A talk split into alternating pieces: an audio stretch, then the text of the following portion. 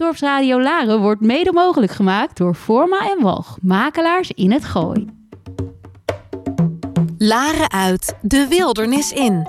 Wekelijks neemt safari-expert en geboren laarder Frank Ranzijn je mee in zijn wereld. De wereld van ongerepte safarigebieden, de Big Five en de cirkel van het leven. Eten of gegeten worden. Een wereld vol safari-geheimen die hij met jou als luisteraar ontrafelt. Van de mooiste plekken om op safari te gaan tot de regels van de bush. Samen met prominente gasten uit de natuur- en conservationwereld neemt Frank je mee, Laren uit, de wildernis in.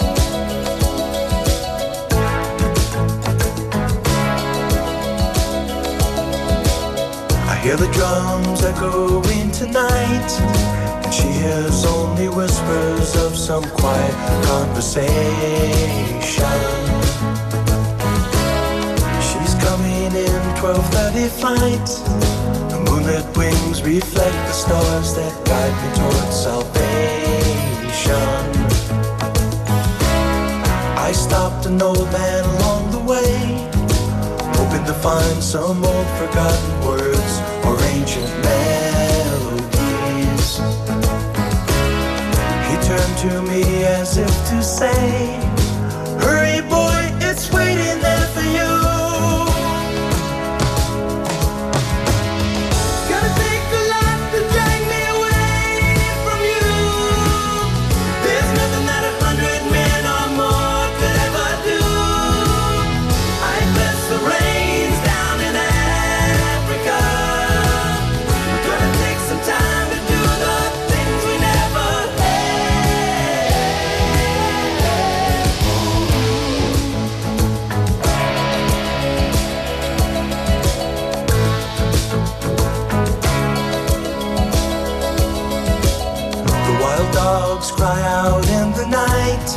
as they grow restless, longing for some solitary company. I know that I must do what's right, sure as Kilimanjaro rises like Olympus above the Serengeti. I seek to cure what's deep inside, frightened of this thing that I've become.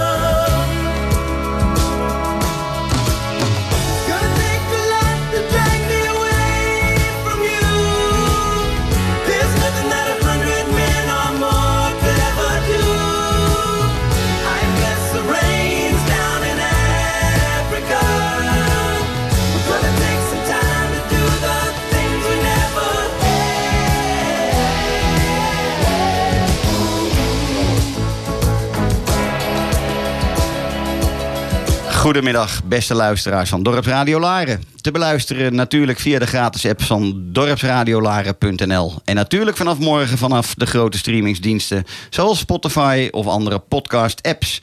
Vandaag, woensdag 19 mei. Het is zeer onbestendig lenteweer en zoals iedere woensdagmiddag van 5 tot 6 ga ik proberen in deze show van Safari Geheimen met elkaar even te vluchten van de alledaagse beslommeringen. Heerlijk een uurtje dagdromen over reisplannen naar de ongerepte natuur van Afrika, India of elders. Tijdens een reis naar een safarigebied gaan maximaal genieten van rust en ruimte en het opdoen van fantastische ervaringen in de bush. Tegenwoordig hand in hand met iets terugdoen voor onze natuur en natuurlijk ook de lokale bewoners. Even lekker samen aan de keukentafel met een goed glas wijn of een gezond sapje. Inspiratie opdoen voor de nieuwe reisvrijheid die er toch echt weer aan zit te komen. Vandaag heb ik de gast in de studio, Rinze Wassenaar. Rinze, welkom. Rinze is marketingmanager van Morikoru Family. Een kleine portfolio aan zeer exclusieve privévilla's in de bush. Rinse zit al meer dan 30 jaar in het exclusieve natuur- en safari-toerisme in Afrika. En heeft een schat aan ervaring opgedaan door middel van al zijn reizen naar de meest exotische natuurgebieden. En natuurlijk zijn bijna levenslange werkervaring in toerisme. Rinse, hartstikke top dat je er bent vandaag. Leuk eh, dat we over Moerekoru gaan praten. We gaan de luisteraars natuurlijk zo direct daar meer over vertellen. Eh, wat dat dan allemaal inhoudt en betekent, daar weet jij alles van. Wij kennen elkaar uit een, nou ja, uit een ver verleden. We kennen elkaar inmiddels wel 25 jaar. Inderdaad. We zijn ooit eh, collega's geweest, werkzaam in safari-toerisme. Eh, jij bent inmiddels alweer hoeveel jaar marketingmanager bij? Eh, bijna acht jaar nu. Acht jaar alweer. Ja. Goed, dat gaat ook heel hard. Ja. Maar goed, we hebben altijd door de jaren heen wel contact gehouden. En het leek me een mooi moment om jou te vragen, gast te willen zijn, om eh, over Moerekoru verder te praten. Ehm, nou, ik heb natuurlijk wat eh, vragen voorbereid. Zou je ons eerst eens willen vertellen, waar komt jouw liefde voor natuur en Afrika vandaan? Hoe is dat, hoe is dat zo begonnen? Ja, dat is eigenlijk. eh, ten eerste heel dankjewel voor de uitnodiging. Leuk om hier te zijn. gedaan. Eh, leuke, leuke uitzending zo. En altijd fijn om met Afrika van Toto te beginnen natuurlijk. Eh, hoe is het begonnen met mij, die liefde voor Afrika? Ik studeerde toerisme en ehm, mocht en kon een afstudeerscriptie doen eh, over eh, Zuid-Afrika. Een Nederlandse kleine touroperator op dat moment. En ik praat over begin jaren negentig. Ja. Ehm, die ehm, gaf mij de kans om iets met Zuid-Afrika te gaan doen. En ik kon voor hem ook drie weken in Zuid-Afrika gaan zitten om te kijken of ze daar een kantoor konden openen. En tijdens dat verblijf in Johannesburg kreeg ik de mogelijkheid om naar het Krugerpark te gaan. En ja, dan ben je verkocht. Dus ik was afgestudeerd en gelijk drie maanden teruggegaan naar Afrika. Een reis gemaakt met een vriend door heel zuidelijk Afrika. Golfje gehuurd in Johannesburg. En eigenlijk heel Zuid-Afrika, Namibië, Botswana en Zimbabwe doorgereden in drie maanden. In de Ja, Golf. In de, In de in de Golf. Volkswagen Golf. Ja, hij was nieuw toen we hem ophaalden. Hij was niet meer zo nieuw toen we hem terugbrachten. Maar het was wel een eh, geweldige ervaring. En ja, vanaf dat moment ben je gewoon eh, hooked on Africa, zoals dat zo mooi Ja. zeggen. Alle aspecten, de natuur, vooral ook de mensen in Afrika. De wijsheid, de lucht, eh, de, de geuren van Afrika. Ja, dan ben je verkocht. En dat, dat is het voor mij wel een beetje. Als ik in Afrika aankom, dan voelt het als thuiskomen. Zodra ik daar. Sommige van die luchthavens heb je nog gewoon een trap waar je naar buiten eh, stapt. En je staat op het platform. En dan zie je die lucht en je ruikt die geur van Afrika. En dat voelt als thuiskomen voor Ik mij. herken het, ik herken Ja. het. Betekent ook volgens mij dat jij echt je hele werkzame leven in safari-toerisme Ja, klopt. Afrika hebt Klopt. gezeten. Hè? Ja, nadat ik terugkwam van die reis ben ik eh, begonnen bij diezelfde touroperator. En eh, zo heb ik een, een aantal touroperators in Nederland gewerkt... die alleen maar reizen naar Afrika aanboden. Daar kennen wij elkaar dan ook van ja, natuurlijk. En uiteindelijk, eh, zo'n 7,5 jaar geleden, kreeg ik de kans ehm, om eh, de overstap te maken van de tour operating kant naar de hospitality kant. Om bij Morakuru Family eh, te gaan werken. Ja, die heb ik met twee handen aangegrepen. Want dat was eigenlijk altijd mijn droom om voor een, een bedrijf in Zuid-Afrika te gaan werken. En ik kende Morakuru Family al heel lang. Want ik verkocht de huizen van Morakuru Ja, Family ja, ja. aan klanten.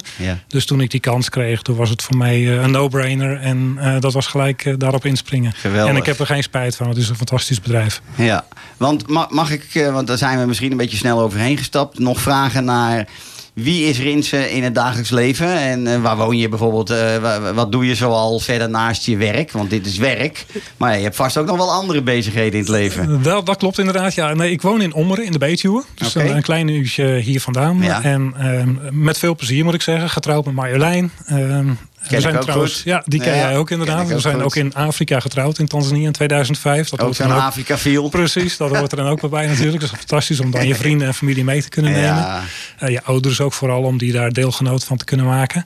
Ehm, en, en naast mijn werk, ja, ik, ik hou ontzettend van fotografie. Dat Ja. heeft natuurlijk ook wel een link weer met Tuurlijk, Afrika, want daar fotografeer je veel. Ja. Ehm, ik hou van een goed glas wijn en een lekkere maaltijd.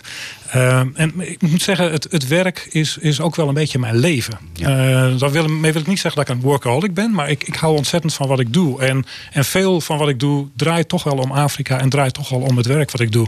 Eh, maar ja, ik, ik vind het heerlijk om, om met eten te gaan. En, eh, er is niks mis mee, toch? Nee, absoluut niet. Absoluut niet. En, en een groot Formule 1 fan, moet ik er ook nog even bij zeggen. Onze, onze Max Verstappen. Dat is een hele Ja. goeie. Je Ja. bent een racefan. Erger nog, ik weet dat zel- jij zelfs je racelicentie Ja, hebt. klopt. Ik weet Ja. niet of je dat nog steeds bijhoudt. Nee, dat eh, niet meer actief. eh, Nee, de- nee. Om, een aantal redenen. Op een gegeven moment, eh, het milieu gaat, een, gaat natuurlijk ook meespelen. En in de tijd dat ik mijn resistentie haalde, was dat gewoon minder aan de orde nog. Maar nu heb ik wel besloten dat dat eigenlijk niet meer, niet meer past bij, bij wat ik aan doe en wat ik, wat ik wil uitstralen.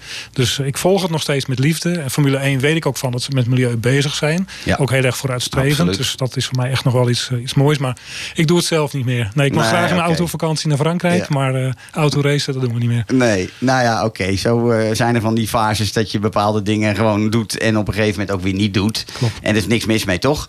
Ehm, ik denk dat we zo langzamerhand eerst even een leuk stukje muziek doen. En dan praten we daarna verder over Morekuru Family. Daar ben je hier voor. En we gaan starten vandaag met Oceaan van Raccoon.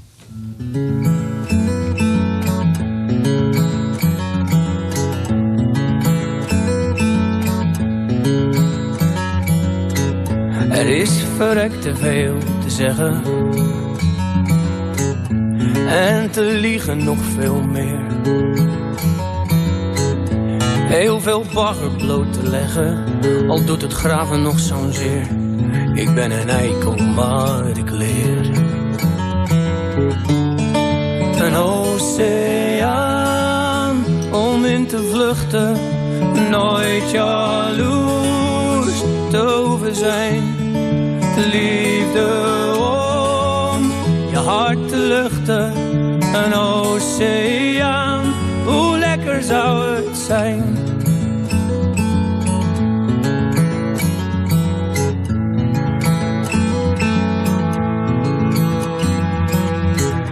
Was er iets waar ik om wenste. Voordat de put droog komt te staan. Dan was het lang zullen ze leven. Familie waar ik veel van hou. En voor wie ik sterven zou. Een oceaan om in te schuilen. Nooit alleen meer hoeven zijn. Ik heb gesmeekt niet meer te huilen. Alsjeblieft. Het leven jaagt geen angst meer aan. Ik heb al zo ver moeten kruipen. Laatste stuk zal ook wel gaan tot ik ga staan. Een oceaan om in te vluchten. Nooit jaloers te hoeven zijn. Liefde om je hart te luchten. Een oceaan alleen van mij. Een oceaan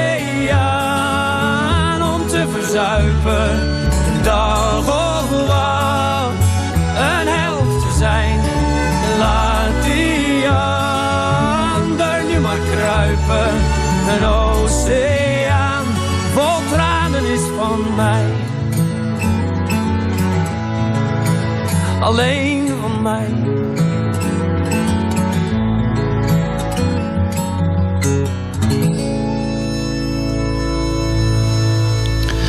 Rinsen.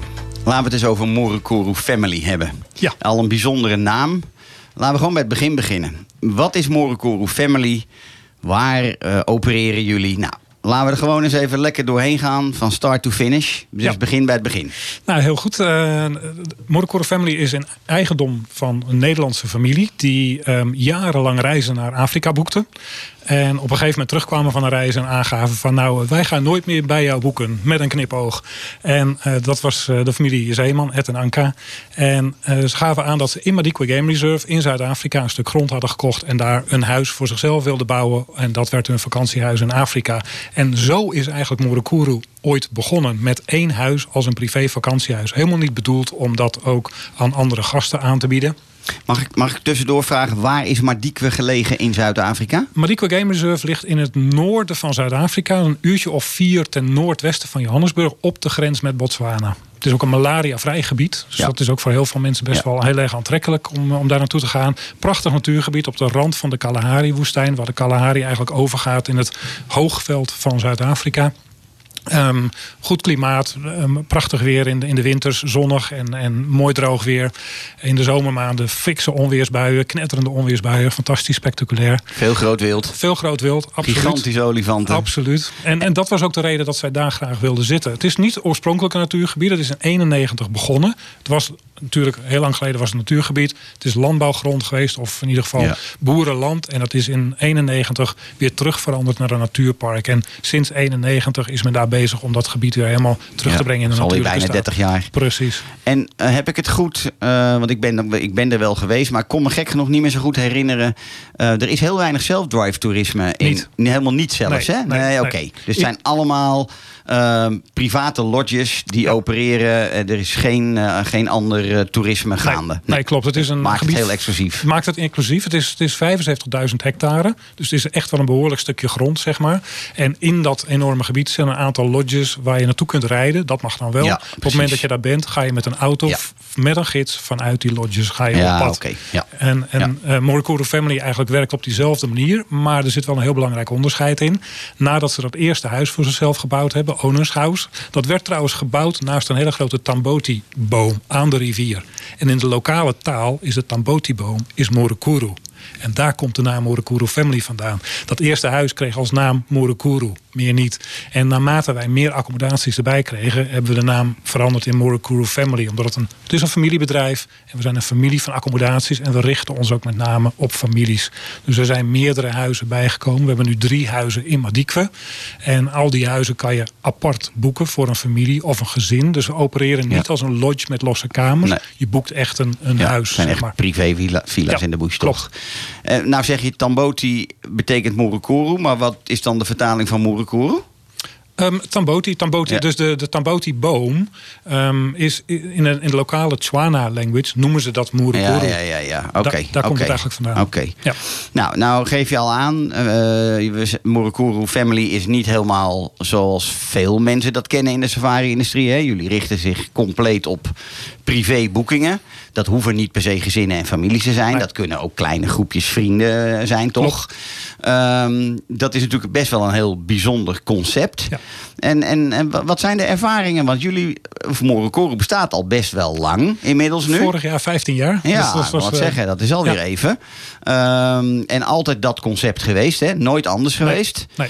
En, en, en wat zijn zo de. de, de, de- wat heb, wat, jullie hebben daar vast allerlei leringen uitgetrokken van hoe dat wel of niet werkte. Of eh, hoe Ja, dat het- te verbeteren. Jullie hebben dat ongetwijfeld enorm. Ik weet het trouwens hoor, maar ik wil dat jij dat vertelt. Enorm verbeterd door de jaren heen. Nou, het, het, is, eh, het is eigenlijk wat, de, wat Ed en Anka, de eigenaren, graag willen. Zij zijn echt mensen die houden van privacy en van zelf een plan kunnen trekken.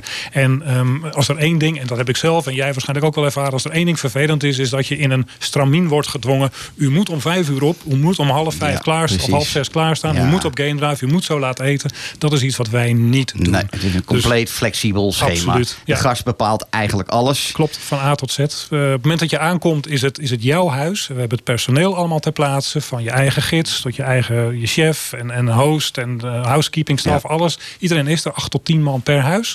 En jij kunt als gast aangeven wanneer je wilt eten, wat je wilt eten, hoe laat je op safari wilt gaan. Het staat allemaal tot je beschikking, maar je hoeft je nergens toe verplicht te voelen. En je hoeft je ook nergens druk over te maken. Er is geen tijdsdruk, er zijn geen andere gasten die je mogelijkwijs tot last zou kunnen zijn. Dat is ook waarom wij, en dat is een ander onderscheid, wij ehm heten kinderen van alle leeftijden welkom. En heel veel safari-lodges hebben een minimumleeftijd van Ja. 6 of 8 of 12 jaar. Ja. Bij ons mogen kinderen van alle leeftijden komen, omdat er ook geen andere gasten zijn die daar mogelijkerwijs Nee. last van zouden kunnen hebben. Maar dat maakt het ook tot de perfect hideaways voor gezinnen, Klopt. families. Klopt. Ehm, ik denk zelf dat jullie zo flexibel zijn dat in een, in een laat het nou een familie zijn met z'n achten, dat het rustig zo kan zijn dat de vier mensen het ene gaan doen, terwijl de andere vier misschien wel een andere activiteit gaan doen. Die flexibiliteit die zal er volgens Ja. mij ook zelf zijn. Tot op zekere hoogte. Want we werken natuurlijk met per huis met een beperkt aantal Ja, stafmembers. Dus je hebt één gids en één voertuig. Maar wat er wel gebeurt is dat een deel van de, familie,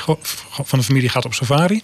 En de kinderen kunnen achterblijven bij het zwembad. Of er is een, een babysitter die even op de Ja, kinderen let. precies. Of er zijn misschien een paar mensen die eh, willen gaan wandelen. En andere mensen willen weer wat anders gaan doen. Of een spaarbehandeling. Dus daar, daar zijn wel mogelijkheden voor. Eh, en we kunnen daar heel flexibel mee Ja. omgaan inderdaad. Ja, en dan denk ik ook dat het eh, goed is om te vermelden dat het echt wel. We hebben het hier over zeer comfortabele huizen. Ja. Wij vinden het in de safari-industrie altijd lastig om het over sterren te hebben. Hè, omdat we daar graag van wegblijven. En het woord luxe blijven we ook het liefst nog van weg. Daarom zeg ik al zeer comfortabele huizen. Klopt. Meer dan dat, denk ik. Ja. Het Morikuru Family zit echt wel in het hoge tot hoogste ja. segment. Hè? Ja, klopt. Het, eh, het, ja. zijn, het zijn gewoon echt mooie, ruime slaapkamers in die huizen. Ja. Ieder huis heeft een, een hoeveelheid eh, terrassen eromheen. Ieder huis heeft zijn eigen zwembad. Je hebt een uitzicht op de rivier of een uitzicht op de bush, afhankelijk van welk huis. Maar het is gewoon heel erg comfortabel. En om dan toch even die sterren aan te halen. In Zuid-Afrika heb je natuurlijk ook een sterrengradatie. Ja. 1 tot en met 5 sterren. En je hebt de 5-star premium. Ja. En wij vallen met al onze accommodaties in de 5-star premium categorie. Ja, precies. Ehm, dus dat Ja. geeft het wel een beetje aan. De juiste kwalificatie zou ik bijna willen zeggen. Noem nog eens heel even eh, alle huizen, Rinsen die er zijn. Want er zijn er inmiddels volgens mij vier en een lodge. Maar noem Ja, ze, nee, noem we hebben in Madiek we hebben inderdaad drie huizen. Eh, we hebben Owners House, dat is het oorspronkelijke huis met twee slaapkamers. River House is een paar honderd meter verderop langs de rivier gebouwd. Heeft drie slaapkamers met nog een kamer als een soort studeerkamer waar kinderen kunnen slapen. Ja. Farmhouse ligt een eh, 15 minuten rijden, heeft vijf slaapkamers. Dan hebben we in Johannesburg ook nog twee Oh ja, accommodaties. heb je ook nog. In Ja, 2015 ja, ja, ja, ja. hebben we daar een bestaand hotel overgenomen en een villa eigenlijk bijgebouwd. Eh, op dit moment hebben we daar nu Ethel Place House. Dat is een, een hele grote villa met negen kamers. En Ethel Place Villa met vier slaapkamers. Ook dat boek je weer exclusief. Ja. En in de Hope Nature Reserve, drie uur vanaf Kaapstad. En dan zijn we helemaal in het zuiden van Zuid-Afrika inmiddels. Drie uur ten oosten van Kaapstad, richting de Garden Route.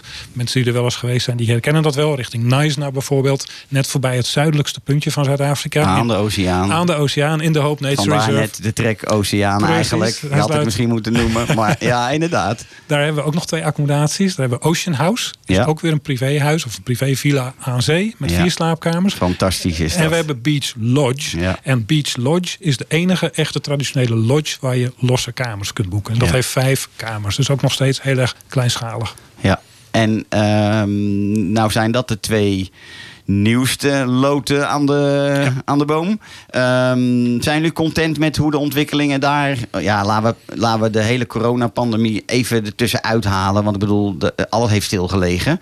Maar de afgelopen paar jaar, eh, zijn jullie daar helemaal happy mee... Met, eh, sinds jullie dat hebben geopend? Ja, absoluut. Ehm, we zijn nog steeds, geloven wij heilig en zijn we overtuigd dat dat privéhuizenconcept echt heel goed werkt. Daar zijn we ooit ook de voorlopers in geweest Ja. toen we net begonnen. Ja. Beetje de trendsetter. Ja. En je ziet nu dat anderen dat over gaan nemen. Dat door corona een hele hoop anderen juist denken... wij moeten ook iets Ja, meer dat de exclusieve. Want Perfecte social distancing Precies. natuurlijk, hè? laten we voor, wel voor de wezen. komende twee, drie jaar kan dat heel populair worden. Ja. Beach Lodge hebben we pas in 2018 geopend. Dus kort voordat corona kwam. En dat ehm, loopt vanaf het begin ontzettend goed. Het is natuurlijk maar heel kleinschalig. En het ligt op een bijzondere locatie. En er was geen alternatief. Ehm, dus ehm, ja, dat, dat was wel een hele goede zet uiteindelijk. En we zijn er ook heel erg tevreden mee hoe dat nu eh, gaat. Oké, nou dan eh, mooi dat we in ieder geval Morikuru Family eerst geïntroduceerd hebben. Gaan we het en een beetje het concept belicht hebben. Gaan we het zo direct ook hebben natuurlijk over al het goeds wat Morikuru Family doet. En we gaan eerst naar een lekker uptempo stukje muziek luisteren van de Banners. En dat is Someone to You.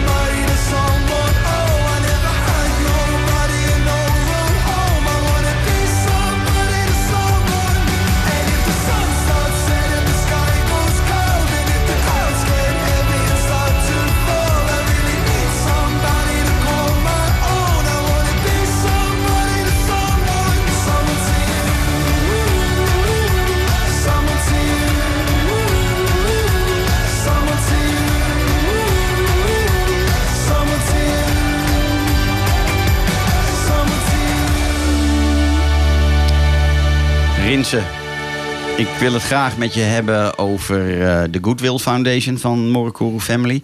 Dat komt ook natuurlijk omdat we eh, steeds meer zien dat safari-toerisme hand in hand gaan met iets terugdoen voor natuur, wildlife, lokale bevolking. Eh, dat juich ik persoonlijk enorm toe. Maar ik denk jij en jullie als Morikuru Family ook. Want jullie zijn daar druk mee, dat weet ik ook. Ik denk ook dat corona echt wel iets gedaan heeft eh, op dat gebied. Hè? Mensen misschien nog wat sneller bewust gemaakt. eh, oh, en ook wel door alle media-aandacht. Eh, meneer Attenborough is daar natuurlijk enorm fanatiek in, in alle, alle campagnes. Maar ik denk dat mensen ook nadrukkelijk meer bewust willen gaan reizen. En ook iets meer goed willen doen voor onze planeet. Denk je niet? Klopt. Maar dat merken wij eigenlijk bij Morikuru al, al jaren. Ehm, we hebben ontzettend veel gasten gehad in Madikwe die tijdens het verblijf eh, met ons personeel in, in gesprek kwamen. En veel van het personeel in Madikwe met name komt ook uit de dorpjes in de omgeving. En vroegen, ja, maar kunnen we niet voor iets terug doen voor jullie? Kunnen we niet iets doen? Of kunnen we niet iets doen voor natuurbehoud? Dus we zijn al jaren bezig. En toen Morikuru Family een beetje van de grond kwam, zo 2008, 2009, toen het echt een beetje begon te lopen. Toen is de Morikuru Goodwill Foundation opgezet door Ed en Anka. En ehm, vanuit die Goodwill Foundation hebben wij al jarenlang de lokale bevolking in Molatedi, een klein dorpje buiten Ja, hebben we gesponsord. En natuurbehoud in het uh, Madikwe Game Reserve zelf. En dan moet je denken aan allerlei projecten met eh, de predators daar. Dus de, de grote katten, maar ook jakhalzen.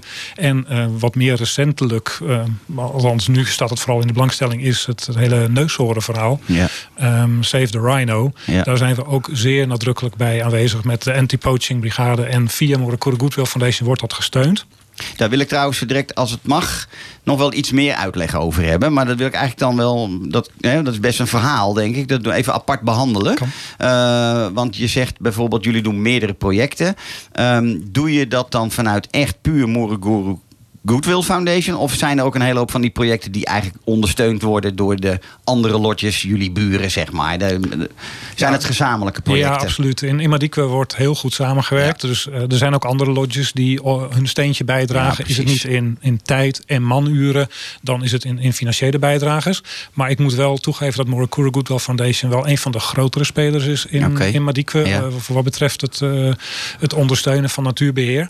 Ehm, en we doen niet alleen in Madikwe, maar sinds we in Johannesburg zijn begonnen en in De Hoop zijn begonnen, dat is wat meer recent. Ja. Ook daar zijn we bezig met allerlei projecten. En hoe kunnen we iets terugdoen voor de mensen en hoe kunnen we iets terugdoen voor de natuur? Toen we de huizen bouwden in De Hoop bijvoorbeeld, hebben we ook heel nadrukkelijk gekeken. ehm, wat kunnen we doen om zo weinig mogelijk impact te hebben? Het is een heel kwetsbaar natuurgebied, zo Ja. aan zee, in de Fijnbos. En wij kregen een x aantal vierkante meters waarbinnen wij mochten bouwen. Dat is echt heel erg strikt. En hoe kunnen we dat nou zo min minst mogelijk belastend doen. Eigenlijk geen Ja. correct Nederlands. Maar hoe kunnen we dat nou zo, zo efficiënt mogelijk doen? Ja. Dus het is allemaal zonnepanelen. eh, het, het afvalwater wordt hergebruikt. eh, er wordt op allerlei manieren gekeken. Wat is de, de minimale impact? Dus Morakura Good- Goodwill Foundation gaat verder dan geld doneren. Ehm, klanten van ons, die ook, of gasten van ons, die ook heel vaak zeggen van ja, wat kunnen wij doen? Kunnen we iets meebrengen? Kunnen we, kunnen we iets betalen? Ehm, en daar zijn allerlei voorbeelden van. We hebben gasten gehad die complete voetbaloutfits voor de kinderen van de school Leuk, meebrachten. Zodat leuk. die daar een voetbalelftal Ja, konden starten. Of zaadjes voor de moestuin bij de school. Weet je, dat namen mensen dan mee, koffers vol. Dus daar, daar wordt echt wel door onze gasten echt in meegeleefd en in meegedacht. Nou ja, dat was ook een van mijn vragen eigenlijk. Van hoe klanten betrokken kunnen raken bij dit soort projecten. Dat is natuurlijk een vraag inderdaad. Die denk ik de afgelopen vijf jaar heel erg is toegenomen. Ja. Hè, want ik bedoel, ik kom ook uit dezezelfde industrie. En eh, denk dat het echt een jaar of vijf is dat we het opeens hebben over experiences en over de betrokkenheid bij conservation en projecten. Eh, we hebben er ook best hard voor moeten vechten in het begin om bij eigenaren van safari lotjes of safari operators überhaupt kenbaar te maken dat klanten daar heel erg geïnteresseerd in zouden zijn, kunnen zijn. Eh, en ja, dat was in het begin best allemaal moeilijk, moeilijk, moeilijk. We snappen ook best wel waarom. Want ik bedoel, een researcher die kattenonderzoek doet. Die, heeft er op zich helemaal, die zit er helemaal niet op te wachten dat er een dag een gast met hem meegaat. Of meerdere gasten. Maar goed, het neemt niet weg dat het toch wel geëvalueerd is die kant op. Hè. Dat kan heel veel. Eh, kun jij wat meer voorbeelden geven van waar een klant bij betrokken kan raken? Buiten alleen maar doneren, want dat kan altijd. Nou, wat wij eh, eigenlijk als gevolg van, van een soort natuurlijk proces in 2018 zijn gestart, is eh, Safaris with a Purpose. Dat is een nieuw pakket wat mensen kunnen bijboeken. Ze moeten minimaal vier nachten boeken in een van onze huizen in Madikwe. Want we hebben gewoon tijd nodig om allerlei onderdelen daarin te kunnen plannen. En dat Safaris with a Purpose pakket bestaat uit een bezoek aan de school. Waarbij van alles wordt verteld wat die school allemaal doet. En we geven natuurlijk ook aan wat wij voor die school doen. En hoe wij proberen die school te steunen. Daarnaast komt een researcher komt naar het huis waar de gasten verblijven. Om een presentatie te geven over wat hij doet. En het belangrijkste onderdeel voor veel mensen is toch wel dat ze zelf deelgenoot zijn van ehm, zoiets als rhino notching bijvoorbeeld. Ehm, of het eh, verwijderen van een halsband bij een dier. Of het opnieuw plaatsen van een halsband. Nou, er zijn allerlei dingen die moeten gebeuren in zo'n park. En dat is eigenlijk het belangrijkste onderdeel. Ja. Dus dat Safaris with the Purpose pakket kunnen mensen extra bijboeken. En we zien dat, dat nadat we dat officieel gelanceerd hadden als een pakket... en Ja. het niet op ad hoc basis deden... dat daar ontzettend veel Ja. vraag naar is. Dat mensen dat heel graag willen bijboeken. Omdat ze willen doneren. Maar ook omdat ze daar deelgenoot van willen Precies. uitmaken. En eh, ja, dat Ze is wel- maken het mee, ze zien het. Ja. Eh, je, je kunt er ongetwijfeld over communiceren met elkaar, over vervolgtrajecten. Ja. Je kunt over een jaar of twee of drie jaar weer eens terug om te kijken hoe. Hè, dat, dat begrijp ik allemaal. Precies. En dat maakt het denk ik ook zo bijzonder. Ehm, vertel, eens, vertel eens als je wil over zo'n rhino notching. ehm, activiteit. Wat gewoon uiteindelijk een natuurbehoudactiviteit is. Eh, met een goed doel, maar waar je inderdaad klanten in meeneemt. Kun je Ja. dat eens uitleggen hoe dat gaat? Kan ik, eh, kan ik heel goed uitleggen. Want ik heb echt het geluk gehad dat ik dat eh, recentelijk mij. nog Ja, eh, dat heb ik. mee mogen maken. Ja, ja, ja. Ehm, wa- wat er eigenlijk gebeurt is dat neushoorns in allerlei parken die, die worden ontzettend beschermd. En ehm, neushoorns wil men ook snel kunnen herkennen. Zodat je kunt zien welke neushoorns zijn waar. Daardoor krijgen ze, of daartoe krijgen ze eigenlijk een, een knipje in hun oor. Want neushoorns hebben grote oren en die bewegen veel heen en weer. Want ze luisteren vooral, ze zien bijna niks. Dus van een afstand kan je goed zien aan de oren van een neushoorn. Als daar een knipje in zit op een bepaalde plek, welke neushoorn dat is. Nou, er is een heel systeem voor. Dat zal ik verder niet gaan uitleggen nu. Maar dat moet gebeuren ook bij jonge neushoorns. En op het moment dat dat dus weer moet gebeuren bij een jonge neushoorn, dan weet dat park dat het moet gebeuren. En als wij dan gasten hebben die dat willen doen, dan kunnen we dat bij elkaar brengen. De gasten betalen het en mogen erbij aanwezig zijn. Je moet je voorstellen, je verzamelt. Een heel team van mensen die erbij betrokken is, legt uit wat er gaat gebeuren die dag. Dan ben je al een half uurtje ben je bezig. Vervolgens stap je in de auto. Er stijgt een helikopter op met de dierenarts erin. Die gaat die bewuste neushoorn zoeken. Vanuit de helikopter wordt de neushoorn verdoofd met Ja. een, ver- met een Ja, verdovingsgeweer. Vervolgens moet die neushoorn nog een tijdje gevolgd worden tot hij echt in slaap valt. En dan heb je zo'n 40, 45 minuten de tijd om bij die neushoorn allerlei dingen te doen. Er wordt bloed afgenomen, DNA-samples worden er afgenomen. Dat knipje wordt in het oor gezet. En er wordt ook een kleine chip in de hoorn geplaatst met een nummer erin. Eigenlijk zoals je ook een ja. Stel nou in het ergste geval dat er een rhino gestroopt wordt en die horen duikt ergens op, dan kunnen ze aan de hand van die chip die daarin zit, kunnen ze zien waar die vandaan Ja. komt. En dan Ja. kunnen ook misschien de, de, de boeven, zeg maar de bad guys, kunnen eh, aangepakt worden, zoals het gelukkig wel eh, regelmatig voorkomt. Ja. Dus dat dat hele proces van die, van die notching, dat die neushoorn verdoofd is, dat is zo'n 40 minuten. Dan kun je daar als gast echt bij zijn. Je wordt ook gevraagd om mee te helpen. Je wordt gevraagd om eh, dingen in busjes te stoppen die dan weer in een soort CSI-bag gaan. Want dat wordt allemaal opgestuurd. Je mag die neushoorn gewoon aanraken. De dierenarts die erbij is, die vertelt ook heel erg veel. Dus je hebt ook echt, je leert er ontzettend veel Ja. van. Het is niet van ik moet op een afstand blijven en mijn mond houden. Je wordt erbij betrokken, je mag vragen stellen, je mag de, de neushoorn aanraken, je kunt met hem op de foto als je dat nog wil. Dus het, het is, je wordt er helemaal ingezogen. En na 40 minuten ongeveer, als die handelingen allemaal zijn afgerond, dan zal de dierenarts zeggen: jongens, snel terug in de auto. We moeten hem weer eh, wakker gaan Ja, maken. ja. En dan wordt eigenlijk het, het anti-serum of Ja, het, het wordt, wordt ingespoten. En dan is het echt verbazingwekkend hoe Snel, zo'n neushoorn dan weer Mooi, bij hè? is. En dan snap je ook dat je gewoon in die auto moet zitten. Want binnen een seconde of tien staat hij op zijn benen en hij kijkt om zich heen en hij loopt weer weg alsof er niks gebeurd Nee. is. En Nou kan wel- dat laatste misschien ook wel anders. Dat ze af en toe misschien vrij crumpy eh, ont- ontwaken. Of niet? Nee, ik ben nog niet echt Nee, meegemaakt. oké, nee, oké. nee, ik ben niet meegemaakt. Nou, dit is fantastisch om mee te maken. Ja. Nou, weet ik ook, omdat er zoveel bij komt kijken in het hele organiseren ervan. De hoeveelheid mensen die erbij betrokken zijn. De helikopter in de lucht, de dierarts, noem het allemaal op. Dit is best een, een, eh, eh, een ervaring met een prijs. Klopt. Durf je de, wil je de prijs noemen, wat zoiets kost? Nou, als je, als je dat, dat pakket zou bijboeken bij vier nachten, dan praat je in randen over 65.000 rand in het totaal. Dus of dat nou een familie van vier is of een familie van tien, dat, dat maakt niet uit. Dat bedrag hebben we gewoon nodig om dit allemaal te betalen. Want je zegt het zelf al, de helikopter en eh, pak een beet vijf, zes, zeven man personeel die dat allemaal uitvoeren. Ja. Dat moet allemaal betaald worden.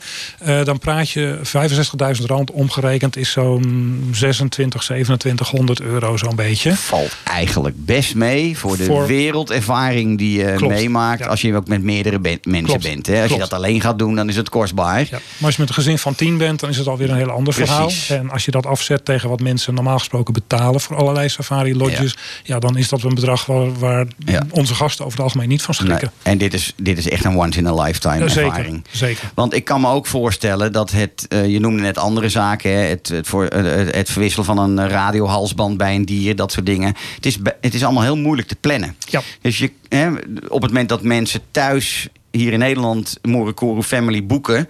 En ze dat, erbij willen boeken. Ja, dan is het nog. Hè, je, je moet maar net een, een, een cheetah of een leeuw hebben waar de halsband verwisseld van moet worden. Of iets. Hè. Dus nou, dat, dat klopt inderdaad. dat is best wel een. Ik, ik krijg ook vaak de vraag van... joh, maar bepalen jullie dan wat er gebeurt in zo'n park? Nou, dat is dus absoluut niet Nee, het geval. Ehm, wij vragen mensen om minimaal een maand van tevoren aan ons te laten weten... dat ze dit zouden willen doen. Ja. En nou boeken onze gasten over het algemeen zes maanden... tot soms al twee jaar van tevoren. Ja. En dan wordt zo'n pakket ook lang van tevoren bijgeboekt. En dan kunnen wij met eh, parkbeheer kunnen wij een overleg gaan en zeggen... joh, we hebben op die data hebben wij gasten, die zouden graag iets willen doen.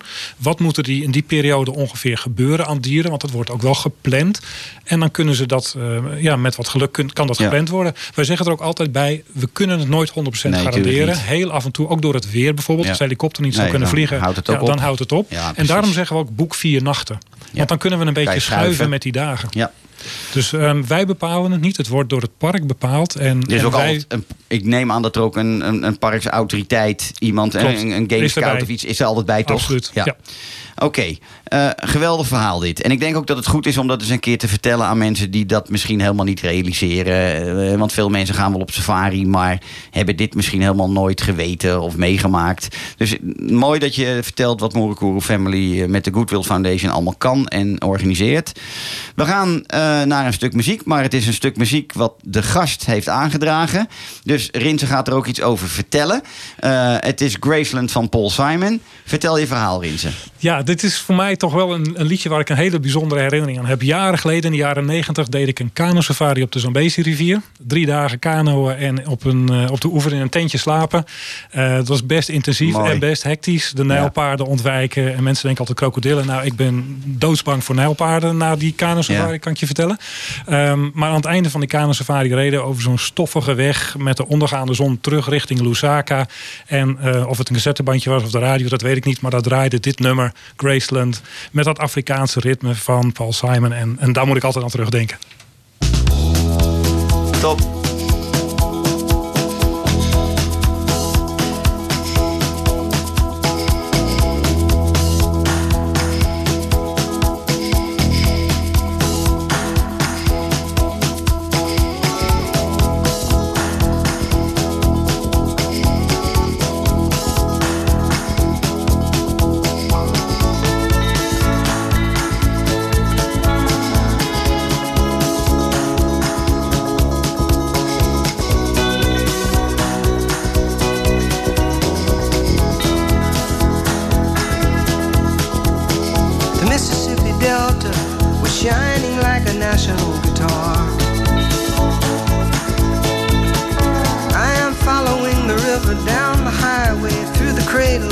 Civil War.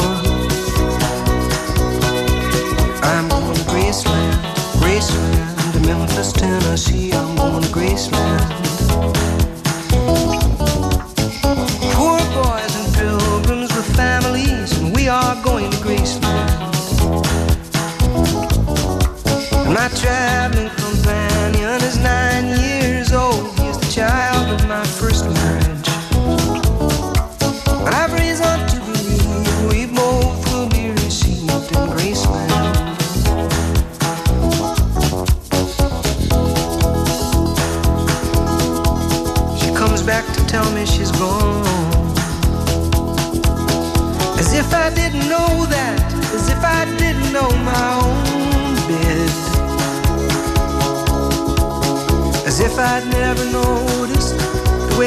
Brushed her hair from her forehead. And she said, losing love is like a window in your heart. Everybody sees you're blown apart. Everybody sees the wind blow.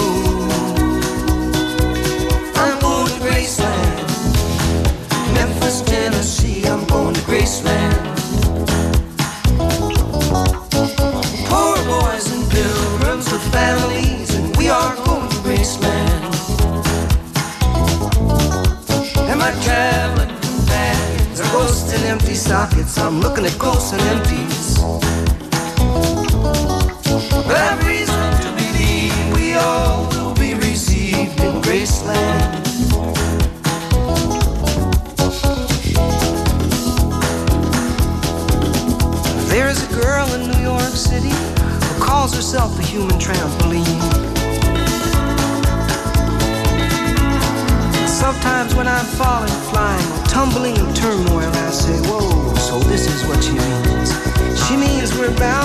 Into Graceland. And I see losing love is like a window in your heart. Well, everybody sees you're blown apart. Everybody feels the wind blow. Ooh, in Graceland, Graceland.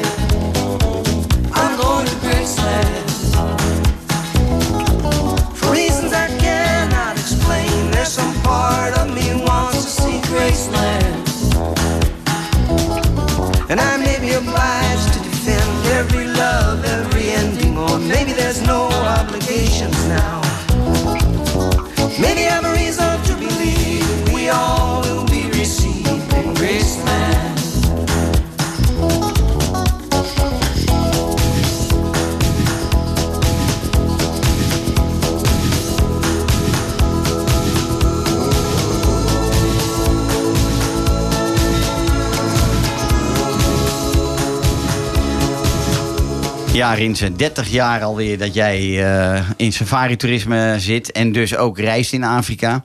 Eh, ik ook trouwens 30 jaar, alleen jij zit wat langer in de beroepsmatige kant, eh, vijf jaar langer. Maar dus in 30 jaar heb je nogal niet wat opgebouwd aan ervaringen in de bush. En dan weet ik dat het ongelooflijk moeilijk is om dan te vragen: wil jij je beste of mooiste? Dat, hè? Maar, je, want jij kan putten uit honderden van die dingen. Vertel ons eens een leuk, mooi bushverhaaltje. Tja, het, is wat je zegt. Eh, als je zo ontzettend veel reizen en zo vaak in Afrika geweest bent, dan is dat, is dat best lastig. Maar één verhaal komt toch heel vaak wel weer bij mij terug. En dat is eh, wederom in Zambia, net als die, eh, die. Want Zambia heeft toch wel een heel bijzonder plekje in mijn hart. Ja, dat herken ik ook heel erg. Klopt, hè? Ja. Eh, we, hadden een wandelsafari gemaakt in Zambia, in het South Luangwa National Park. South Luangwa National Park is een droog park in het midden van Zambia. Met de grote Luangwa rivier, die in de zomerperiode, als het daar regent, veel water bevat. Maar in de drogere periode, als je daar op safari bent, over het algemeen, staat er geen water in, maar is het een, een hele brede zandbedding. En dat kan echt wel, wel 200 meter breed zijn. We hadden een tentenkamp op de oever van de rivier. Ze sliepen in kleine tentjes. En we hadden een wandelsafari gemaakt. eh, een paar uur door de, de bush gewandeld. En dan kom je soms wat tegen, maar soms ook niet zoveel. En dit was zo'n wandeling dat we niet zo heel erg veel hadden gezien. We komen terug bij de tenten en iedereen loopt naar zijn tent en legt zijn spullen in de tent. Dus de camera gaat weg en, en je rugzak gaat weg. En ik hoor wat commotie buiten. En ik kijk naar buiten vanuit mijn tent. En ik zie in die rivierbedding zie ik een mannetjesleeuw met drie vrouwtjesleeuwen lopen. Die lopen eigenlijk voor ons kamp langs. Nou, dat is natuurlijk altijd leuk om te zien. En eh, de gids hoor ik zo roepen van jongens, kom eens, kom eens. Dus wij naar buiten allemaal. En eh, we stonden ernaar te kijken. Maar ze liepen ons kamp voorbij. En die gids zegt, kom, we lopen even door. Maar op dat moment realiseer ik me niet dat die gids ook zijn geweer al had weggelegd. Dus wij liepen eigenlijk met die gids dat tentenkamp een stukje uit. We volgden die leeuwen in die rivierbedding beneden. En die waren echt nog wel een meter of, zal het zijn, 100, 200 meter bij ons vandaan. En op een gegeven moment mist een van die vrouwtjesleeuwen. Die zagen we niet meer. dus we bleven staan en iedereen kijken. En die oevers die zijn vrij steil. En dan praat je over een oever van een meter of drie, vier hoog. En plotseling voor ons, ik overdrijf niet, ik denk dat het drie, vier meter van ons af was, komt die leeuwin omhoog van die oever. En daar staan wij, man of vijf, met een gids, geen geweer, niks bij ons, geen camera's.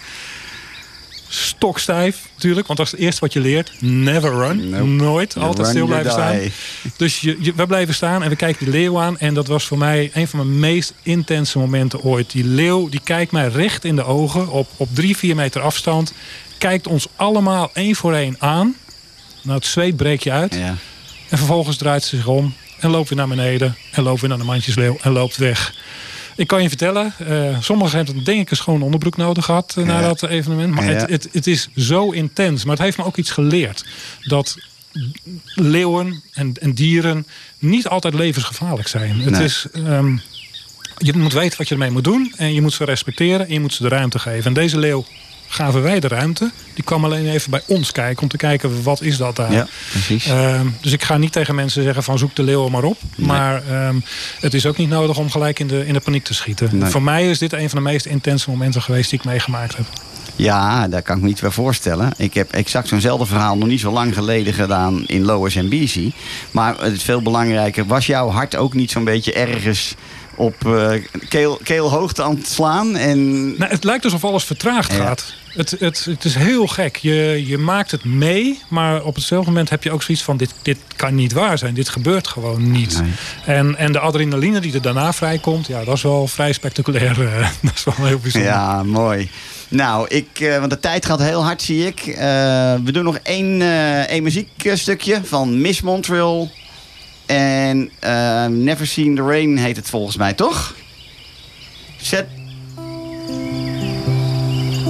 Ja, dat, Miss Montreal. Het is een cover. Het is een van mijn favoriete Nederlandse zangeressen. Daar komt hij. Someone told me long ago There's a calm before the storm I know It's been coming for some time When it's over, so they say, it'll rain a sunny day.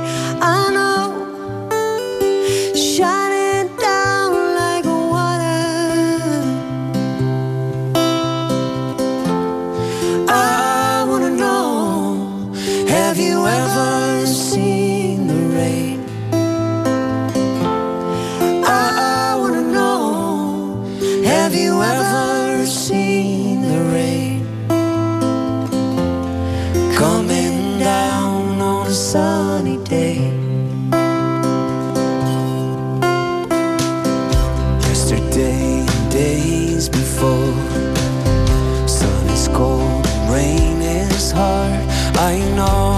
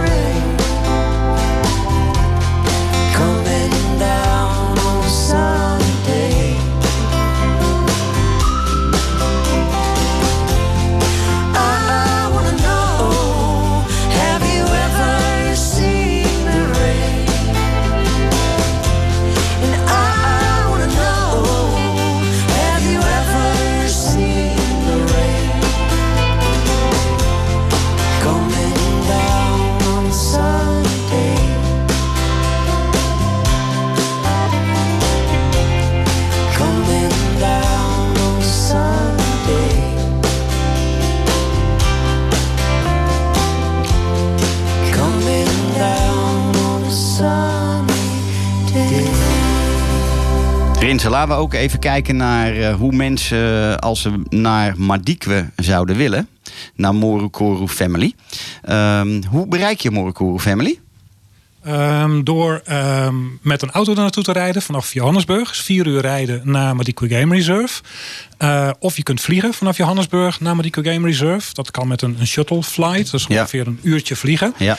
Ehm, je kunt zelf rijden of je kunt een transfer boeken. Ja. Dus er zijn allerlei mogelijkheden afhankelijk van je wensen en je budgetten. En als je naar eh, De Hoop zou willen, naar onze accommodaties aan de kust, dan kan dat vanuit Kaapstad met een huurauto, eigenlijk heel makkelijk. Ook weer met een transfer of met een private chartervlucht. Want er is een kleine landingsbaan, een grasbaan in het reservaat in De Hoop. En dan kun je vanuit Kaapstad met een klein vliegtuigje invliegen... of vanaf een andere luchthaven in de omgeving... of zelfs Ja, met een helikopter. Dus het, Ja. het kan op allerlei manieren met een auto of eh, met een vliegtuig. Wordt het ook gedaan dat je. Hebben jullie wel eens klanten die bijvoorbeeld van Madikwe dan naar de hoop vliegen? Of is dat eigenlijk gewoon net te lang en te ver en te kostbaar dus ook? Het is een beetje een combinatie van al Ja, die factoren inderdaad. Het, het wordt wel gedaan door mensen die met name krap in de tijd zitten. Want op het moment dat je Madikwe rechtstreeks naar de hoop zou willen gaan... maar niet met een private charter... dan moet je eerst terug naar Johannesburg. Dan zit je op een luchthaven Ja, te wachten. Dan moet je een lijndienst naar Kaapstad... en dan moet je nog weer een vlucht of een transfer naar de hoop. Dan ben je toch een hele dag onderweg. Ja. En dan moet je maar hopen dat dat past.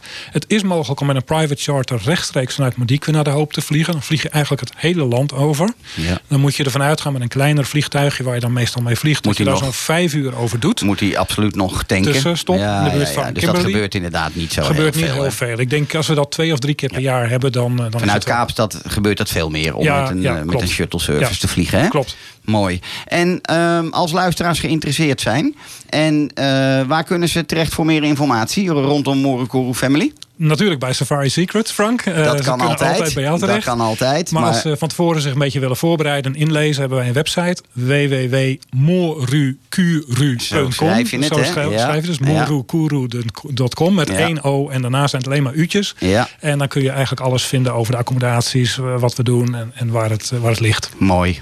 Nou, ik wil je enorm danken vandaag voor je aanwezigheid. Bedankt voor je informatie en mooie verhalen. Ik wil ook eh, vandaag de technici eh, van dienst bedanken. Jan-Willem Bosboom en Julian Petrovic. Volgende week spreek ik jullie weer. En ehm, een hele fijne avond gewenst. En we gaan eruit met een mooi stukje van Arrival of the Birds.